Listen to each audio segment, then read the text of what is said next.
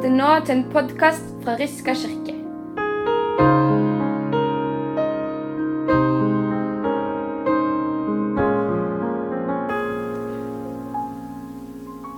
Det står skrevet i evangeliet etter Matteus. Med Jesu Kristi fødsel gikk det slik til. Hans mor, Maria, var lovet bort til Josef. Men før de var kommet sammen, viste det seg at hun var ved barn ved Den hellige ånd. Josef, mannen hennes, som var rettskaffen og ikke ønsket å føre skam over henne, ville da skille seg fra henne i all stillhet. Men da han hadde bestemt seg for dette, viste en Herrens engel seg for ham i en drøm og sa, Josef, Davids sønn, vær ikke redd for å ta Maria hjem til deg som din kone. For barnet som er unnfanget i henne, er av Den hellige ånd. Hun skal føde en sønn, og du skal gi ham navnet Jesus. For han skal frelse sitt folk fra deres synder. Alt dette skjedde for at det ordet skulle oppfylles, som Herren har talt gjennom profeten. Se, jomfruen skal bli med barn og føde en sønn. Og de skal gi ham navnet Immanuel. Det betyr Gud med oss. Da Josef våknet av søvnen, gjorde han som Herrens engel hadde pålagt ham, og tok henne hjem til seg som sin kone, og levde ikke sammen med henne før hun hadde født sin sønn. Og han ga ham navnet Jesus. Slik lyder det hellige evangelium.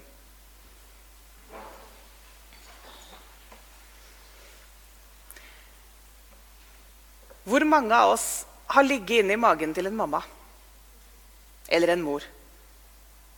Altså, Det gjelder jo samtlige. Det er jo den måten vi blir til på. Er det ikke ganske fint at Gud òg valgte den måten å bli til på? Tenk at Jesus har ligget inni en mage og sparka og hørt på dempa lyder utafor. Tenk at Maria og Josef òg fulgte med på den magen som vokste. For ni år siden venta jeg en baby i desember. Og det året blei graviditeten til Maria plutselig mye sydligere for meg enn den har vært ellers. Fordi jeg også kunne følge med på at det var noe som vokste inni magen fram mot jul. Denne søndagen, fjerde søndag i advent, blir ofte kalt gledens adventssøndag. Jeg lurer på om Maria og Josef opplevde det som en glede å vente på babyen. Alt har en begynnelse. På gresk brukes ordet 'genesis'. Og De første ordene i Bibelen er 'i begynnelsen skapte Gud'. Men ordet 'genesis' det kan også bety fødsel. Og det er det ordet Matteus bruker når han snakker om Jesu fødsel i dagens evangelietekst. Enhver fødsel er en begynnelse.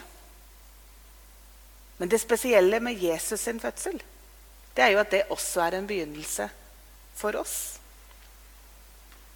Matteus og Lukas forteller veldig ulikt. Heldigvis for oss. For det gjør jo at vi får se mer av fortellingen enn bare den vanlige juleevangeliet som Lukas forteller, som vi har hørt så mange ganger. Og Matteus slipper til Josef på en annen måte. Josef, som er en av hovedpersonene, uten en eneste replikk i hele Bibelen.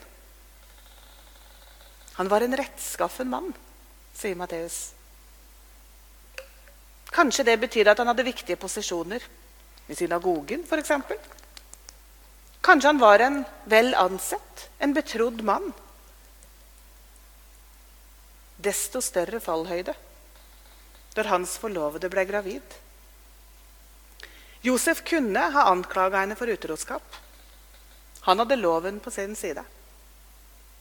Men han var en rettskaffen mann. Han ville ikke føre skam over henne. Han ga henne muligheten til at han kunne trekke seg til side og hun kunne få gifte seg med den som var far til barnet. Men Gud ville det annerledes. Det var ikke meninga at Jesus skulle vokse opp med bare en mor. Guds sønn trengte også en far. Barnet som er unnfanget i henne, er av Den hellige ånd. Selv med en drøm fra Gud, hvordan tror man på det? Og Hvis vi tenker at troen er en full overbevisning, at man er helt sikker på noe, så veit jeg ikke hvor sikker Josef var heller i starten. Vi får ikke vite noen ting om hva han tenker, eller hva han sier. Men vi får vite noe om hva han gjør. At han sier ja til oppdraget. At han tar imot Maria som sin kone og venter sammen med henne på barnet som skal komme. Om han tvilte, eller om han var fullt overbevist, det veit vi ikke. Men han handler. Han gjør det han får beskjed om å gjøre. Matteusevangeliet er skrevet først og fremst til lesere med jødisk bakgrunn. Og I første del av kapittel 1, før det som er dagens prekentekst, så lister Matteus opp en slektstavle fra Abraham og fram til Jesus. For barnet, Messias, skulle være en etterkommer av David. Og Der kan vi lese at det er ikke gjennom Marias slekt at Jesus er en etterkommer etter David. Det er gjennom Josef sin slekt. Guds plan for menneskene forutsatte at Josef sa ja. Jostein Ørum har skrevet mange små bøker. Han har også skrevet den som heter 'Det kan bli fint likevel'. Det er en hel bok som handler om Josef. Det er en av de fineste bøkene jeg har lest.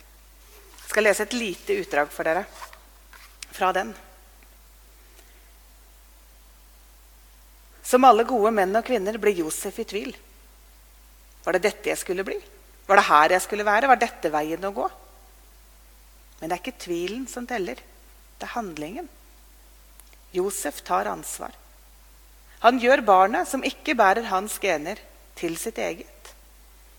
Josef blir fosterfar. Han velger å la seg forplikte av familiebånd.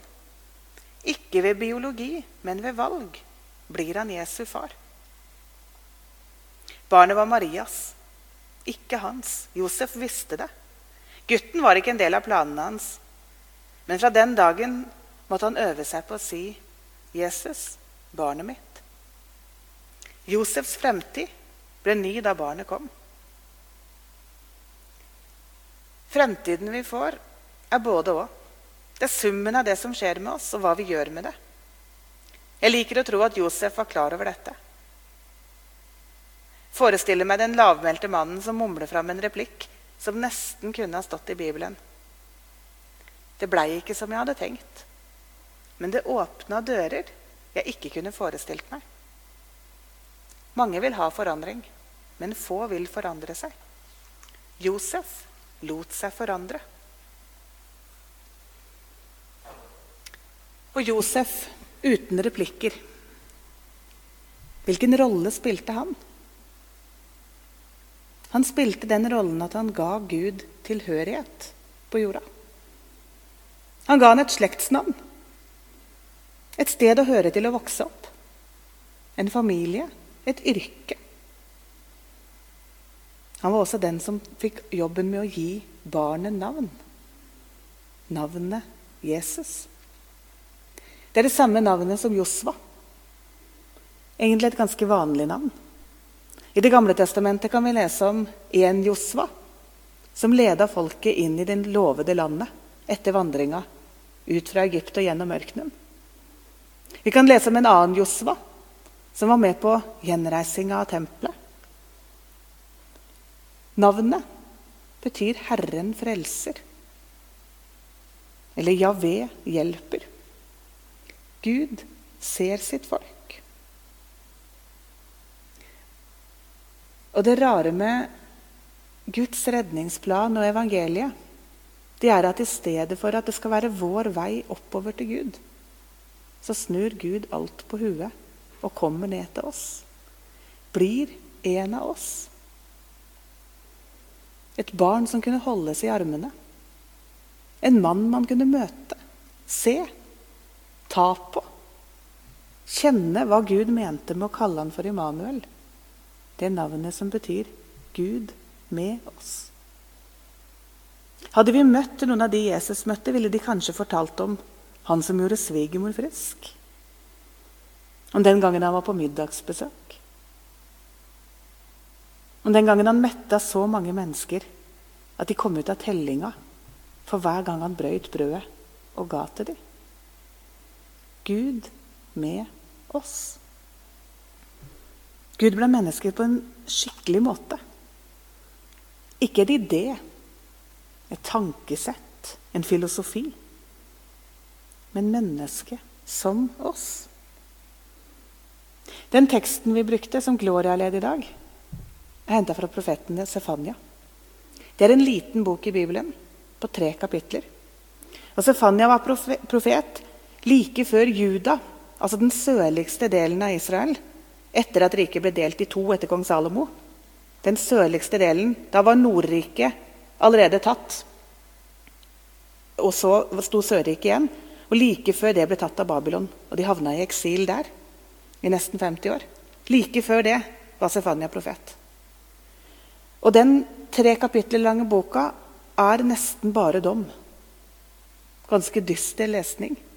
Men så helt mot slutten i kapittel tre så snur det. Og Det er der leseteksten i dag er henta fra. fra. om, om Messias, profetien om Messias som skal komme. Bryt ut i jubel, datter Sion. Rop av fryd, Israel. Gled deg, datter Jerusalem. Juble av hele ditt hjerte. Herren har fridd deg fra dommen, drevet dine fiender bort. Herren, Israels konge, er hos deg. Du skal ikke frykte noe ondt. Hva er det vi gleder oss over fjerde søndag i advent?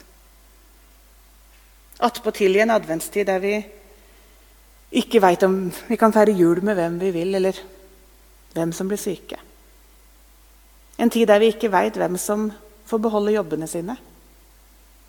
Hvem som er ekstra ensomme. Hvem som tenker at de dagene vi går inn i nå, er de mest krevende gjennom hele året. Hva er gledesbudskapet i jula? Det er at Herren din Gud er hos deg. En helt som frelser. Han jubler over deg med fryd. Viser deg på ny sin kjærlighet. Vi feirer jul fordi Jesus, Herren frelser, kom til oss som menneske. Gud med oss. Og jeg lurer på hvordan det var å holde han i armene sine. Jeg lurer på hvordan det var for Gud å bli født som et menneske.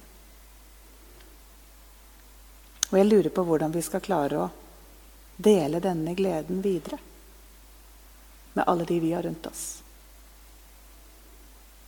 Ære være Faderen og Sønnen og Den hellige ånd, som var, er og blir.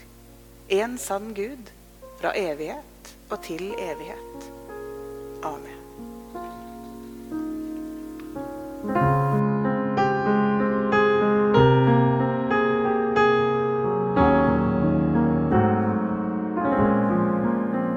Har lytta til en podkast fra Riska kirke.